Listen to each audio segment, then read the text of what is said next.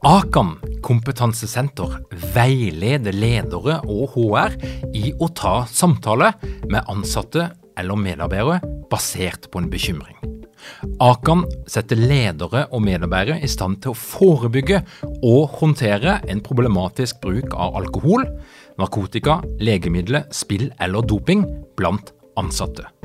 Ønsker du å lære mer om god forebygging og gjennomføring av samtale med en som du er bekymra for? Da kan du nå få tilgang på Akan sitt digitale samtalekurs til spesialpris, kun 760 kroner. Målet med kurset er å gjøre deg tryggere i det som kan være en krevende, men viktig samtale å ta i lederrollen. Du får tilgang til kurset med å gå til samtalekurs.no, samtalekurs.no, og bruke kampanjekoden LEDERPODDEN.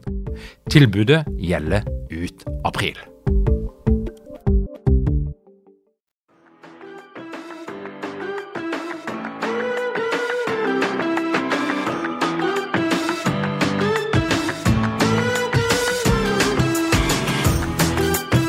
Velkommen til Lederpodden. Mitt navn er Tor Åge Eikerapen. Jeg jobber som organisasjonspsykolog, og dette her er en podkast om ledelse. Mer enn noen gang så trenger organisasjoner og ledere kapasitet til både å gjennomføre store endringer og bedrive innovasjon. Men mange forskere de påstår at så mye som 65–70% av alle strategiske endringer mislykkes i å nå de målene som var intensjonen bak endringa. Og hvorfor er det sånn? Og hva er det egentlig som skal til for å få endringer til å virke sånn som det var meint å være? Inger Stensaker er kanskje den akademikeren i Norge som vet mest om strategiske endringer. Hun er professor i nettopp strategisk endring ved NHH, og i over 15 år har hun forska og jobba tett på organisasjoner som gjennomgår store strategiske endringer. Inger Stensaker hun er medforfatter av boka Endringskapasitet og boka Omstilling, og er snart aktuell med en ny bok om innovasjon og endring. Velkommen til Lederpodden, Inger. Tusen takk. Inger, du har via store deler av din karriere til endring, og da spesielt de store strategiske endringene som foregår gjerne i organisasjoner med en, en viss størrelse. Og når du jobber så mye med dette her materialet, så er jeg jo nysgjerrig på hva er det som driver deg? Hva er det som er så utrolig spennende med endring? Ja, Det er vanvittig mye som skjer i organisasjoner når de, når de, går igjennom store planlagte endringer. Så du får eh, en uuttømmelig eh, mengde problemstillinger som, eh, som, det er spennende for en forsker å gripe fatt i. Men du kan si at det, det, var jo ikke så veldig planlagt det, at jeg skulle vie så mye tid til endring. Jeg datt mer eller mindre borti det når jeg hadde begynt som stipendiat på NHH. Jeg startet egentlig med et helt annet uh, faglig tema. Jeg jobbet med internasjonal markedsføring og så på norsk fisk i Asia, blant annet. Uh, og så ble det en ledig stipendiatstilling på et uh, følgeforskningsprosjekt i det som den gang var Statoil. Eh, og når jeg først hadde kommet inn i det, så skjønte jeg at det var ingen vei tilbake. At da var det endring og omstilling som, eh, som, var min greie. Og du vet, når man begynner å grave i noe, så begynner du ofte også å etterrasjonalisere litt. Og da, da, tenkte jeg at jo, men dette er jo meg, det er jo dette jeg har drevet med jeg håper si, hele livet mitt. For da plutselig gikk det opp for meg at jeg har eh, opplevd en del endring på kroppen sjøl fra jeg var ganske ung og flyttet med familien til utlandet. Så, så begynte jeg liksom å se at dette, dette ga mening. Dette måtte jeg, måtte jeg, jobbe mer med. Og det faget som du jobber mest med, det er jo egentlig der økonomi og eh, psykologi ofte møtes litt, eh, og, ledelse er sentralt. og I det siste så har det jo vært en, en diskusjon da, der noen en kar med navn Nicolai Tangen. Eh, om han ble feilsitert eller hva det nå var for noe, men i hvert fall så kom han med en statement på at endringsledelse det er et tullete begrep, fordi all ledelse handler om endring. Og da tenker jeg jo at Nå har vi eksperten her i Lederpodden. Inger, hva er din kommentar? Trenger vi begrepet endringsledelse, eller skal vi bare kalle det for ledelse? Vi trenger begrepet endringsledelse, hvis ikke så må jeg slutte å jobbe. Da må jeg finne noe annet å gjøre. Men jeg, jeg syns jo det var supervittig. Når, for vi kunne jo lese om denne uttalelsen dagen før det sto på første siden av Dagens Næringsliv. Så annonserte de med at i morgen kommer Nicolai Tangen til å si at endringsledelse er kørka. Jeg tror det var det han sa. Det er kørka. Så jeg begynte jo å tenke å, jeg må komme med et motsvar. Jeg må liksom hive meg rundt og skrive en kronikk med en gang. Men så når jeg leste hva han faktisk sa, eh, og, og, og så på hvordan han uttalte seg om dette, så tenkte jeg at eh, på, på ett nivå så er jeg jo enig med han. Jeg er jo enig med han når han sier at dette burde ledere jobbe med hele tiden. Eh, men, men sånn rent faglig så er jeg jo enig med han, fordi at ledelsesfaget er mye, mye større enn endringsledelsesfaget. Og, og, sånn som jeg eh, jobber med, med, faget endringsledelse, så er det veldig mye planlagt endring. Altså en, en fusjon mellom Statoil og Hydro olje og gass det er planlagt. Det er noen som har stakket ut en retning, og som ønsker dette en, en, endring av Telenors internasjonale virksomhet. Det er en planlagt endring. Og jeg opplever jo i møte med ledere, eh, veldig veldig dyktige og erfarne ledere, at de kan gjerne masse om ledelse, men de føler noen ganger at de kommer til kort med eh, liksom, Hva har jeg i verktøykassen når jeg jobber med sånne store, planlagte omstillinger? Eh, så Derfor er jeg uenig med at endringsledelse er unødvendig eller identisk med ledelse, samtidig som jeg er egentlig enig med noen av perspektivene til Tangen på at dette burde vi jo jobbe med eh, mer eller mindre hele tiden. Tusen takk, Inger. Det var deilig å få det avklart. Så eh, Endelig nå fikk jeg litt sånn ro i sjela. Inger, i boka 'Omstilling', eh, som, som, jeg er veldig glad i, så, så er det sånn én tydelig beskjed som du og din medforfatter kommer med. Og det er det at ja, du kan godt være flink til å planlegge endringer og sammenslåing og gjøre alt etter boka, men bare husk at endringsprosesset gjenger aldri sånn som planlagt. Hva er det som pleier å gå galt? Det, jeg tror faktisk det var Henning Bang eh, som sa det en gang. At det går jo aldri sånn som man har tenkt. Så selv om vi snakker om planlagt endring, så er det jo Det følger jo liksom aldri planene. Eh, men det er ikke én ting som går galt. Og det er jo også eh, sånn klassisk at eh, når ting først ikke går som planlagt, så har vi et voldsomt behov til å finne denne ene faktoren, denne ene forklaringen på hva ikke alt, men nesten alltid er det flere ting som spiller sammen. Eh, så, så det, kan, det, kan, være Det kan være forskjellige uh, ting. Vi vet jo med en gang du, du faktisk begynner å gjøre endringer i organisasjonen, uansett hvor godt du har forberedt organisasjonen. For, for en sånn kl klassisk uh, innsikt vi har om hvordan må du jobbe med eh, planlagte endringer, er at du må forberede organisasjonen og folkene dine godt. Eh, men så ser vi at selv om du kanskje er knakende god på å forberede organisasjonen og folkene, så oppstår det ting i eh, selve endringsfasen, fordi at vi reagerer ikke sånn som vi kanskje hadde trodd vi skulle. Eh, det skjer ting rundt organisasjonen. Eh, det kan være mange ulike ting som er i bevegelse, og så er jo enhver endring er jo også eh, forbundet med stor grad av usikkerhet. Så du, du, kan, du kan ikke planlegge for alle typer usikkerhet. Så mange ulike faktorer. Skrevet masse om motstand både inni og rundt og omkring organisasjonen. Det er en sånn klassiker på, på hva skjedde, hvorfor gikk det ikke som planlagt. Eh, men det er jo ikke alltid det. Så det kan, det kan, være mange ulike faktorer. Noe rundt organisasjonen har endret seg fundamentalt, som gjør at de best lagte planene er ikke lenger like gode som de en gang var. Og dette her er Motstandsbegrepet det må du si litt mer om. for Det, det var jo tidligere en sånn eh, legitim forklaring på hvorfor ting gikk galt. Mens i dag så skal en helst ikke snakke snakke om motstand, eller en skal tenke at motstand er noe du må eh, både forvente og du må møte det, og noen snakker om at det ligger veldig mye verdifull informasjon i såkalt motstand. Men, men hva er den moderne måten å tenke på rundt dette her med motstand? Altså at folk ikke vil være med på denne endringa som er så ønska? Ja, jeg tror du har helt rett i at der har det skjedd mye, og det har vært en stor bevegelse. Eh, og noe av det handler jo om at faglig så kikket man, eh, studerte man veldig ofte planlagte endringer fra det vi kaller endringsagenten sitt perspektiv. Det vil da gjerne være en toppledelse eller de som faktisk står bak en beslutning om en stor planlagt endring. Og hvis du ser alt ut ifra det perspektivet, så vil motstand være krevende. Det vil måtte håndteres, det vil oppfattes som en barriere som du må liksom komme deg over. Eh, mens det som skjer i dag i forskningslitteraturen, er at man har mange flere perspektiver man ser på dette fra. Og da vil et perspektiv være at jo, men motstand det er jo faktisk en viss energi i det.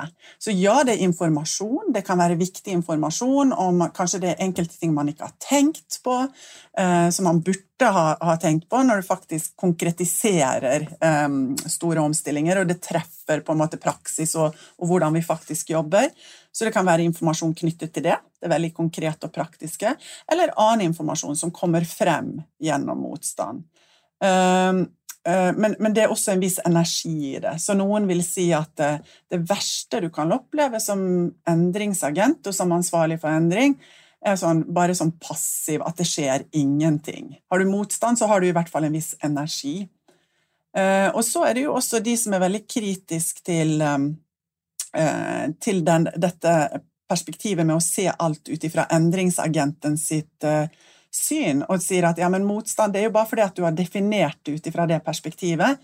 Mens uh, hvis du f.eks. har en gruppe ansatte da, som er veldig uh, lite støttende til en endring, så kan det være helt rasjonelt, og det kan være veldig forståelig hvis du, hvis du forsker på det heller ut ifra deres perspektiv.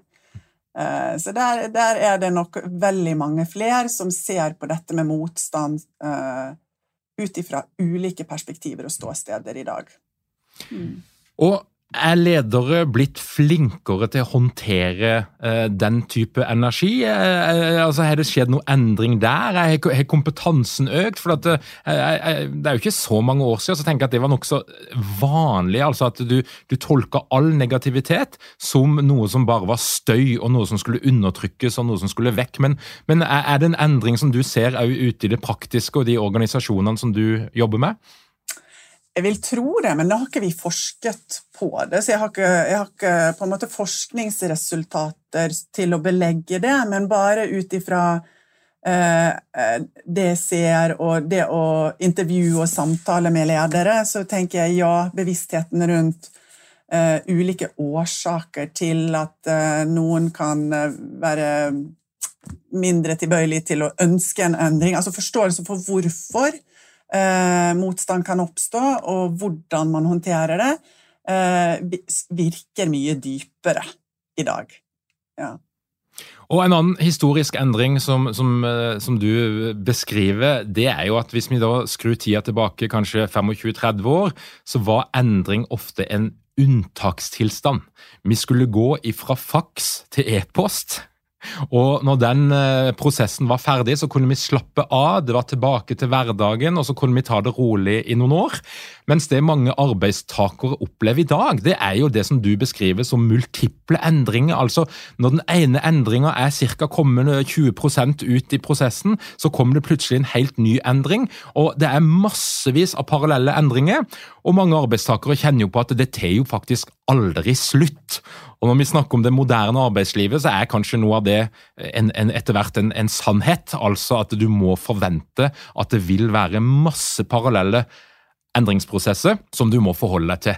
Men hvilke konsekvens gir dette her, da, hvis vi tenker at endringshastigheten har økt, eh, graden av parallelle endringer som finner sted samtidig har økt? Hvilke konsekvenser gir dette her for organisasjoner, ledere, medarbeidere?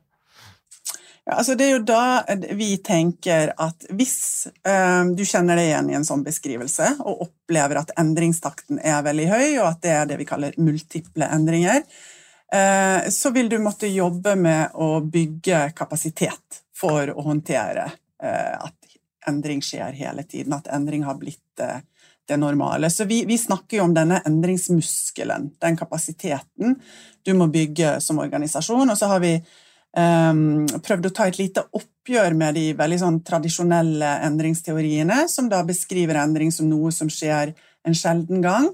Uh, som er unntakstilstand, og som uh, vi liksom bare skal komme oss gjennom, og så skal vi få lov til å egentlig håper å si, slappe av, da. Eller i hvert fall eh, at, at, vi går tilbake til det mange omtaler som business as usual. Og så skal det vare i kanskje så lenge som fem til ti år før vi må brette opp ermene og igjen endre oss. Eh, så implikasjonen er at nei, de færreste har, eh, kjenner seg igjen i den situasjonen i dag, og da må vi utvikle ny kunnskap til hvordan kan du bygge muskel for å håndtere og stå i store endringer mer eller mindre hele tiden. Og Da er jo ledelse sentralt, og så har vi jo den agile tankesett. Altså, du har jo noen eh, nabo, I nabolaget ditt i Bergen, ute i Fyllingsdalen, så sitter det noen i S-banken og, og, snakker mye om hvordan skal de klare å bygge opp en endringskapasitet gjennom å organisere seg med autonome team, agilitet, alt dette her. Henne er det du og dine medforskeres tanke møter den retninga? Ja, midt i, holdt jeg på å si. Vi møtes midt i, for eh, nå har vi jo et prosjekt hvor vi eh, eh, ser på endringer som handler om å fornye seg. Så hvis du har en organisasjon som har eksistert eh, en del år, eh, og, skal fornye deg, og da er det noe innovativt som skal skje. Så det er en endring som er, har til formål å fornye og innovere, og da er det agile veldig sentralt. Det var ikke noe vi fant egentlig i forskningslitteraturen. Det finnes en del forskning på det, men det var i samarbeid med, med næringslivet eh, i forskningsprosjektene våre, som, som, vi ble gjort oppmerksom på at ja, vi bygger muskel gjennom å være agile. Eh, og det sa veldig mange organisasjoner til oss, at dere må forske på det agile, for det er sånn vi tenker at vi bygger muskel. Så det har vi gjort, da.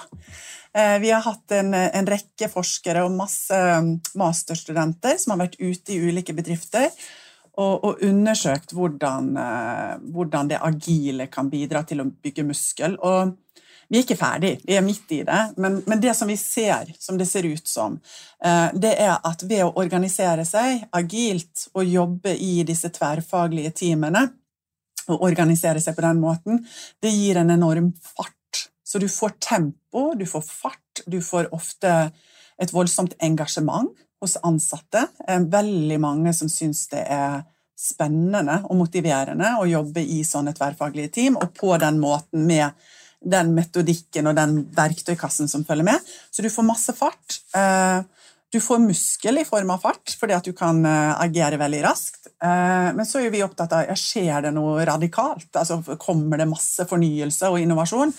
Og det ser vi ikke like tydelige tegn på. Men det, som sagt, vi er midt inne i det, så det kan hende at disse resultatene vil forandre seg. Men at du får tempo, entusiasme, motivasjon, det er veldig tydelig i de studiene vi har gjort. Og Det har jo en verdi i seg sjøl, men, men, men, du antyder jo at det kan være en liten hype vi snakker om. Altså at det skapes masse begeistring rundt noen moteord, rundt eh, et eller annet som knyttes til tech og innovasjon, men resultatet er ikke like lett å få øye på på kort sikt. Ja, det er jo masse mote i, innenfor endringsverden og organisasjonsverden. Det vet vi jo, dette er jo kjent. Og jeg tenker at det er ikke noe problem i seg sjøl. Altså det at det kommer nye moter, kan være veldig spennende. Det kan være det som skal til for at man liksom begynner å eksperimentere og, og jobbe på nye måter. Eh, men, men, som forskere da, så er vi jo litt skeptiske. Vi tror aldri at noe løser alt. Vi tror at alle måter å jobbe på har noen eh, fordeler og noen ulemper. Eh, og det er jo litt sånn vi går inn i dette agile òg. Vi ser ok, hva, hva, er fordelene med å jobbe på denne måten? Og noe av det som ligger i det agile, er egentlig ikke så veldig nytt. Altså, folk har jobbet i tverrfaglige team i, i hvert fall i 20 år i mange organisasjoner. Det er ikke så veldig nytt, egentlig. Men det som er nytt, er jo liksom at du tar tech-miljøene og setter så tett på forretningen. Eh, så der er noe nytt med liksom, hva er det for noe um, tverrfaglighet som ligger i disse teamene. Um, og det at uh, disse agile teamene jobber i sprinter, ja, er det så nytt at vi har liksom eh, litt stramme tidsfrister, og at det skjer noe med folk da? Kanskje ikke. Eh, men når du setter alt dette sammen, da, så ser vi jo, altså vi ser jo at det utløser en enorm motivasjon og entusiasme. Så det kommer vi ikke forbi, og vi ser at du får et driv, et tempo. Og så, og så er vi litt mer spørrende da, til hvor, hvor innovativt er det som kommer ut. Det er sikkert bra på mange måter, og det kommer masse spreke, kule produkter og tjenester ut av den måten å jobbe på.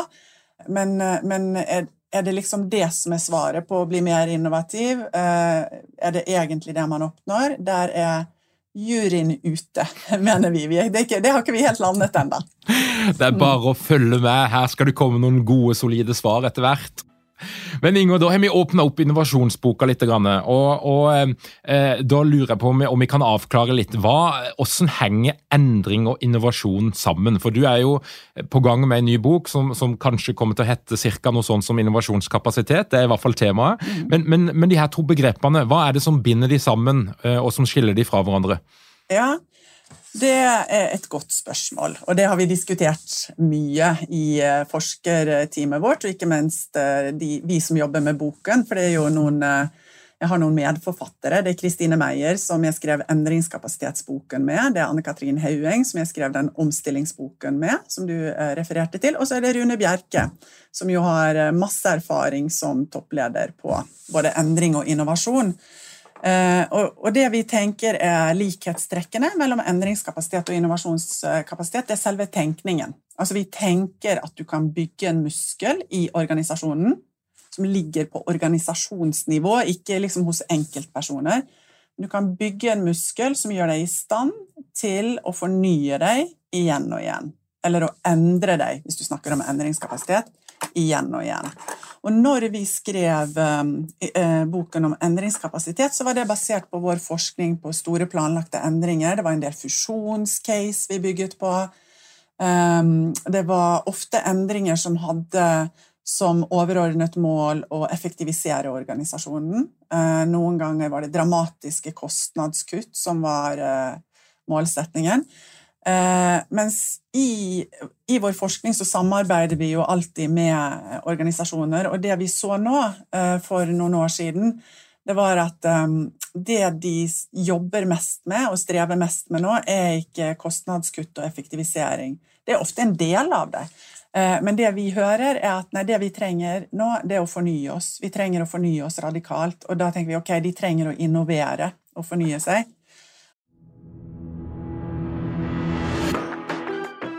Er dykken mange ledere uten trening eller utdannelse innen ledelse? Mangler dykken en felles kultur og praksis for ledelse? Ønsker dykken å være bedre rustet for fremtidig vekst og endring? Da kan et internt lederutviklingsprogram være en god investering. I Execu så er vi eksperter på å designe og gjennomføre bedriftsinterne lederutviklingsprogram. Hvis du ønsker å lære mer om hvordan vi kan hjelpe dykken til å få enda bedre ledere, ta og klikk deg inn på execu.no.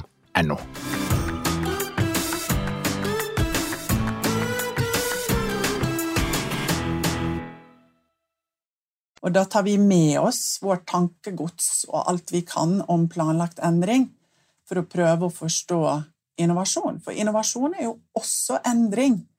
Uh, mens når vi leser innovasjonslitteraturen, som ingen av oss er eksperter på så det er, der, det er ikke der vi kommer fra, men når vi leser den litteraturen, så, så, handler den om veldig mye spennende knyttet til hvordan du sprer innovasjoner, hvordan du får innovasjoner til å bli adoptert ut i markedet, uh, for så vidt hvordan du kan organisere deg. Uh, mens vi tenker at ja, men dette med endring, og at det også kan være krevende, at det også kan møte motstand, Eh, at det er veldig mye usikkerhet, selv om innovasjon høres mye gøyere og mer positivt ut enn effektivisering. eh, så tar vi med oss det tankegodset inn. Så det er sånn eh, vi tenker. Det er noen likheter mellom de to begrepene, eh, men så er det også noen viktige forskjeller. Og så skriver du om noe konkret, for jeg har fått lov til å lese eh, i en artikkel og, og litt eh, andre ting som, som, som, kanskje kommer til å bli med i boka. Og, og det du kan skrive noe om, da, det er jo den her eh, ideen om at hvis du skal skape ekte innovasjon, eller såkalt disrupsjon, der du gjør ting på en helt annen måte, tilnærmer deg markedet, og du kan til og med risikere å bli eh, din egen kannibal, så, så, er det da en, eh, en måte å gjøre dette her på som handler om at istedenfor å skape en ny avdeling innenfor den samme organisasjonen, som bare egentlig er en, en, et kontor eller noen mennesker som sitter i det samme lokalet, så er det mange som eh, i, i, årevis har testa ut det å etablere en ny enhet. Altså kanskje et, et helt nytt selskap som skal ha litt avstand til den eksisterende organisasjonen, med en idé om at hvis du løsriver deg fra moderskipet, så vil magiske ting skje. Du, det er først da du vil kunne tenke nytt å få eh, denne her framdriften som gjør at en skaper noe helt nytt.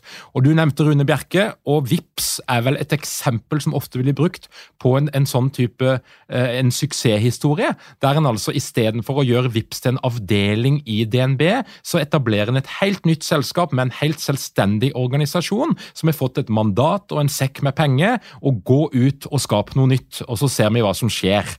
Men det du problematiserer, det er jo at selv om det på papiret er en avstand mellom moderskipet og denne nye enheten, så vil det ofte være noen bindinger og noen begrensninger som både kan være positivt, men som også kan gjøre at eh, ledelsen i denne nye satellitten må drive med fryktelig mye oppoverledelse. Altså, de må drive og deale med moderskipet støtt og stadig og rettferdiggjøre sin eksistens. Fortell litt, hva er det du kunne tenke for noe om dette her? Ja, Dette er jo en uh, veldig kjent måte å jobbe med organisasjonen for å skape rom for radikal endring og innovasjon. Uh, på engelsk så snakker man om ambidextrous organization, som uh, betyr at de skal være like flinke til å effektivisere som de skal være til å innovere. Så du er like flink med både høyre og venstre hånden. Men her er noen nyanser, da. For at Nå sier du at du liksom må skille det helt ut og, og, lage en egen organisasjon. Det er også en løsning å jobbe med innovasjon, men den tohendige modellen krever egentlig ikke at du skiller helt ut, sånn som VIPS i dag har gjort. VIPS startet jo innenfor DNB som en slags tohendig løsning. Disse tohendige løsningene kan, kan se litt forskjellig ut, men det som er felles for alle, er at det må, må lages noe eget som får lov til å utvikle seg helt annerledes enn det du kaller moderskipet. Så da må du gi dem noen rammer, du må gi dem eh, eh, mulighet til å utvikle en helt egen identitet, en helt egen kultur, en helt egen måte å jobbe på. Og ofte gjør man jo det ved å ansette folk utenifra. Ikke nødvendigvis bare folk utenifra, det kan også være noen som kommer fra moderskipet. Eh, men, men, som regel så trenger du også noe nytt blod inn. Men de er altså en del av det etablerte, så VIP startet innenfor DNB, men fikk helt andre rammer til å jobbe frem dette, som, som jo potensielt kunne true deler av det som DNB alltid har gjort. Og det er litt en del av denne modellen, at du skal tillate at du kan kannibalisere deg selv, og da er tanken at det er jo bedre at vi gjør det, enn at konkurrentene gjør det. Så Schibsted er jo et annet selskap som har brukt denne modellen for å sikre innovasjon igjen og igjen og igjen. Så de har blitt knallgode på det. De veldig, har en sånn veldig proff uh, tilnærming til det. Så, så hele, hele si, mekanismen, eller det som gjør at det kan fungere, det er jo dersom du er etablert, du er en organisasjon som har funnets lenge, som har gjort det bra, eh, så er det en grunn da, til at du har gjort det bra, og veldig mange i organisasjonen tenker at vi har knekket den koden, vi vet akkurat hva det er som gjør at vi har hatt så så gode resultater. Da vil det samtidig ofte også bety at det er vanskelig å finne på noe helt annerledes innenfor rammen av organisasjonen. Så, så mekanismen her er at du skaper det der, det der rommet i den etablerte organisasjonen til å gjøre noe helt annerledes. Det er liksom sånn, sånn det fungerer. Nå glemte jeg nesten spørsmålet. Svarte jeg på spørsmålet ditt? Ja, nei, det, det var veldig åpent, så det er, det er, nydelig presentert. og Det jeg lurer på, det er jo hvilke problemstillinger er det som da dukker opp? Hva er det som er vanskelig med å få dette her til? Du sier noe om at Skipsted klarer det, eh, DNB og VIPS eh, har på en eller annen måte klart det, for VIPS er en, er en suksesshistorie. Men, men, hvilke problemstillinger er det som dukker opp da for selskapet som skal eksperimentere med denne tilnærminga for å skape mer Mm. innovasjon? Du, du eh, nevnte noe av det. Du sa at de som da jobber i den enheten, ofte bruker mye tid på å jobbe oppover og sidelengs eh, for å sikre at de har legitimitet. For med en gang du begynner å eh, gjøre noe på helt andre måter, så vil du utfordre det etablerte. Eh, ved å sette opp en sånn struktur eller en sånn enhet, så vil jo den også spise en del av ressursene, og det er ikke alltid det etablerte delen av virksomheten liker. Eh, For da går jo ressurser både i form av penger og eventuelt folk til den nye enheten. Hvis du tar de aller flinkeste folkene dine og sier nå skal dere jobbe med, eh, med VIPS, så er det noen andre som mister de folkene. ikke sant? Så, så det at du vil få Du vil skape spenninger i organisasjonen.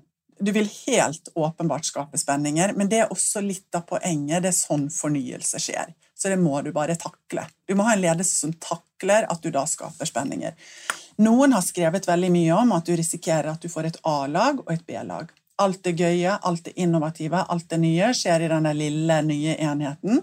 Det er en helt klar risiko, vi vet det, men jeg tenker ja, men hvis alternativet er at det skjer ikke fornyelse, da må du, da må du på en måte takle det òg. Så, så det er noen kjente utfordringer knyttet til at du, du vil fortsatt bli utfordret av det etablerte. Du kan få en opplevelse av A- og B-lag, og det vil oppstå spenninger innad i organisasjonen. Og også potensielt rundt organisasjonen. Noen av de som har erfaring med dette, sier at det er jo ikke bare internt vi blir utfordret. Eh, Hele bransjen er jo sint på oss fordi at vi nå liksom driver og jobber med noe potensielt disruptivt som, som, som det kan være frykt for. Ref både Vips og Cutters og mange andre, tenker jeg. Og, og, og da er vi jo litt tilbake igjen til omstilling og endring eh, på mange vis. For det vi snakker om nå, er jo litt Det er jo tillit, det er kultur. Og Dykken har jo skrevet ganske mye om at du må forvente tillitsbrudd mellom ansatte og ledelse i store endringsprosesser. Eh, Du må forvente konflikter. Eh, Og Dykken skriver skrive også noe om mellomledernes enormt viktige rolle for å få dette her til å funke, og, og at mellomledere må fungere som tolk mellom ledelsens strategi, som ofte er flotte ord på PowerPoint-presentasjoner, og eh, hva betyr egentlig dette her i det daglige arbeidet. Og Kan du ikke fortelle litt, hva, hva er det som skjer da når det blir mistillit? Hvordan kan det spille seg ut? Ja, vi har jo, eh, vi har jo sett på noen eh, prosesser hvor det har vært veldig tydelig uttalt eh, mistillit fra ansatte. Eh, Og det, det, er veldig krevende for en toppledelse, for det er jo ofte de som har tatt beslutningen om en eh, planlagt endring. Og, og som regel så vil store omstillinger utfordre etablerte maktstrukturer, etablerte måter som ressurser fordeles på, så det er ganske naturlig at det, at det er delte meninger om dette. Eh, og, og da, Ledelsen må jo på en måte balansere både den usikkerheten som vi snakket om i sted, som folk reagerer veldig forskjellig på, og at det vil være ulike interesser.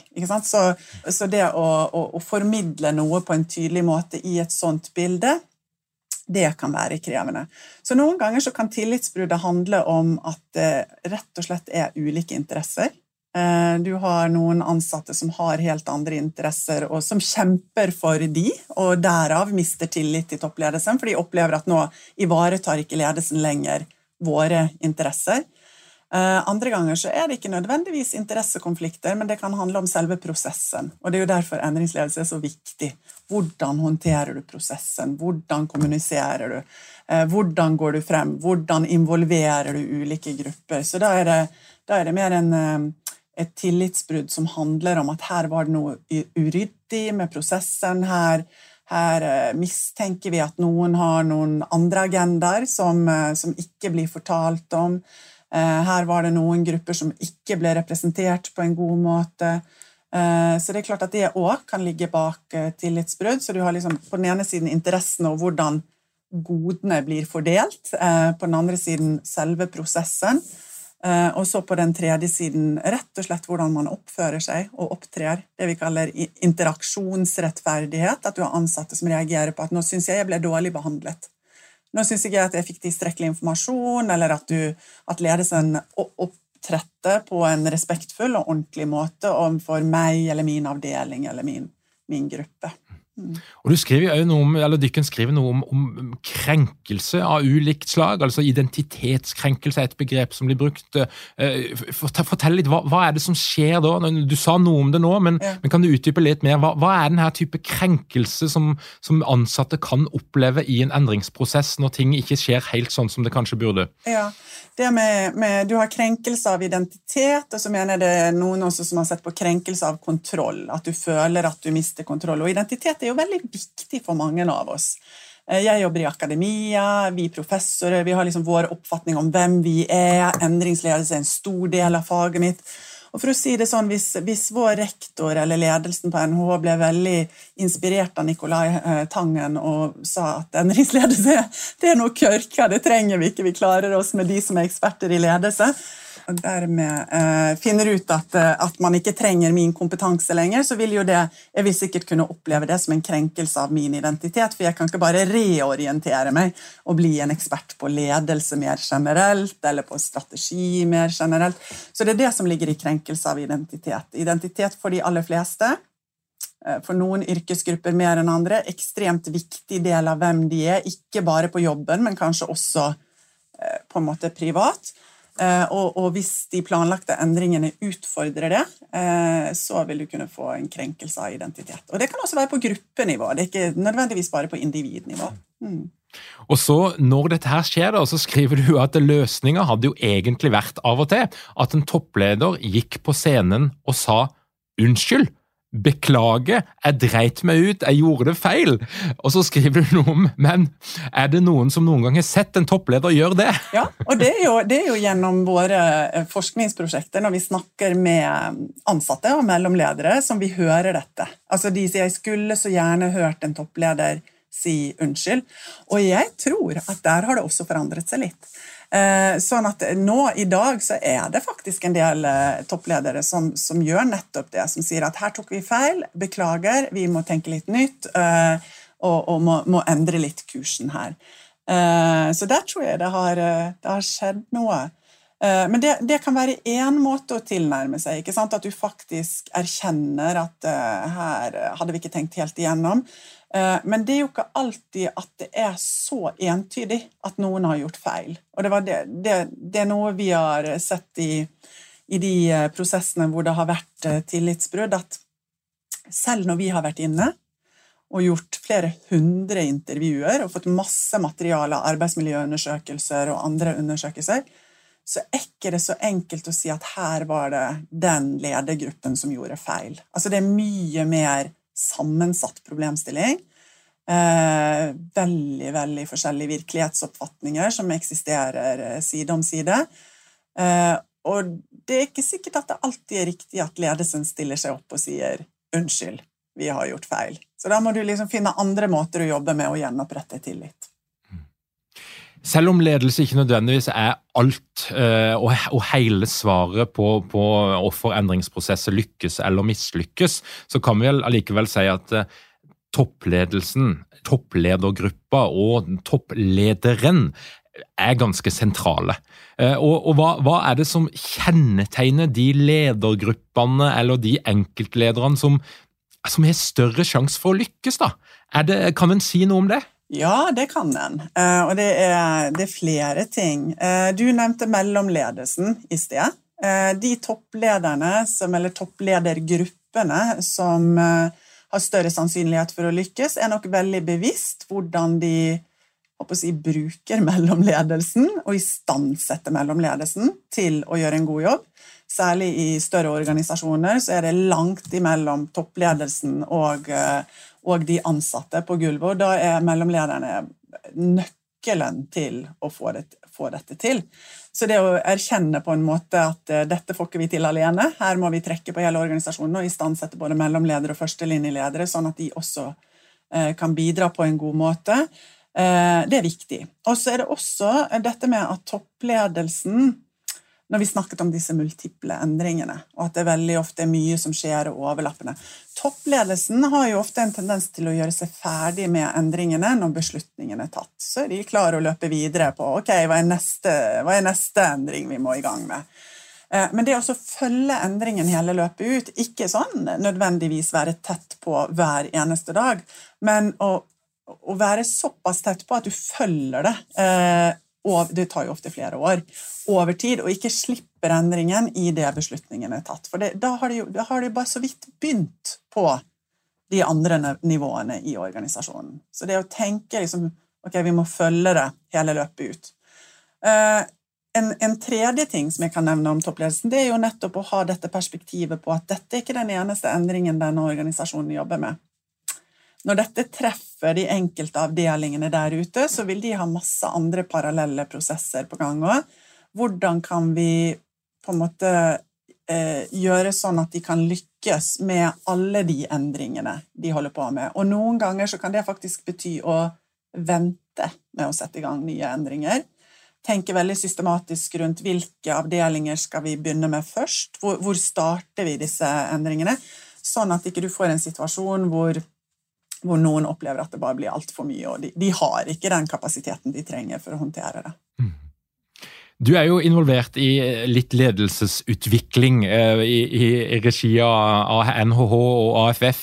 Eh, hva er den viktigste ferdigheten som ledere, da tenker jeg ikke nødvendigvis bare de på toppen, men også mellomledere, bør trene på eller eh, forstå for å kunne være en enda bedre bidragsyter inn i endringer og innovasjon?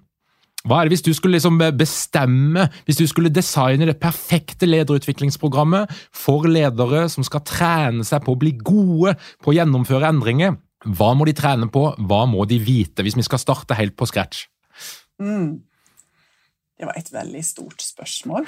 Ja. Eh, hvis du skal velge én ting som du tenker at ja, oh, ja. det skulle flere hatt, ja, altså jeg tenker at det, det, som er noe av det aller, aller viktigste, er evnen til å lytte.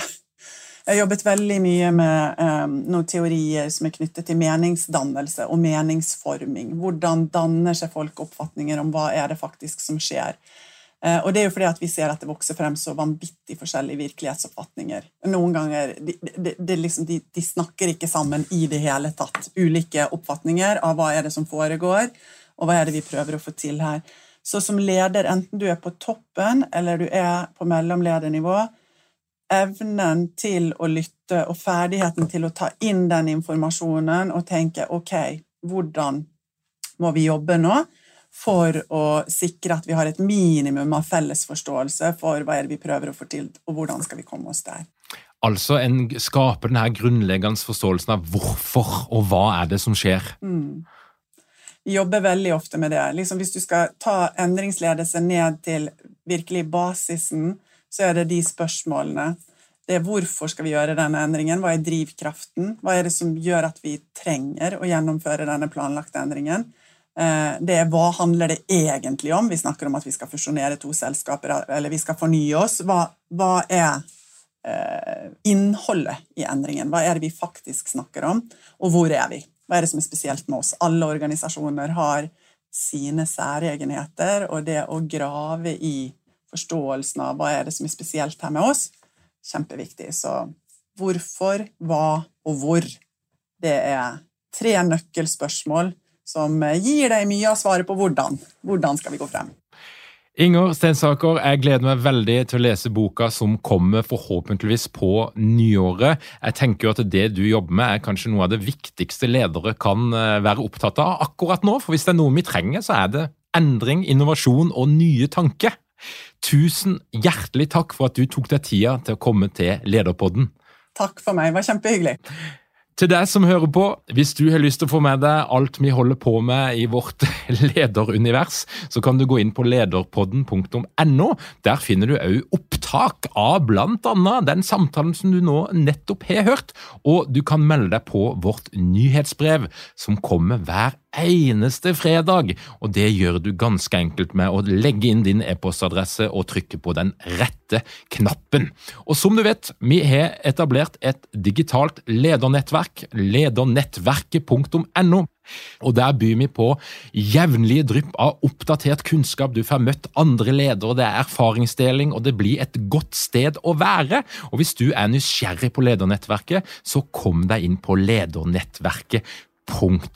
ledernettverket Tusen takk for at du hører på Lederpodden. Vi høres om ja, ei ukes tid. Ha det bra!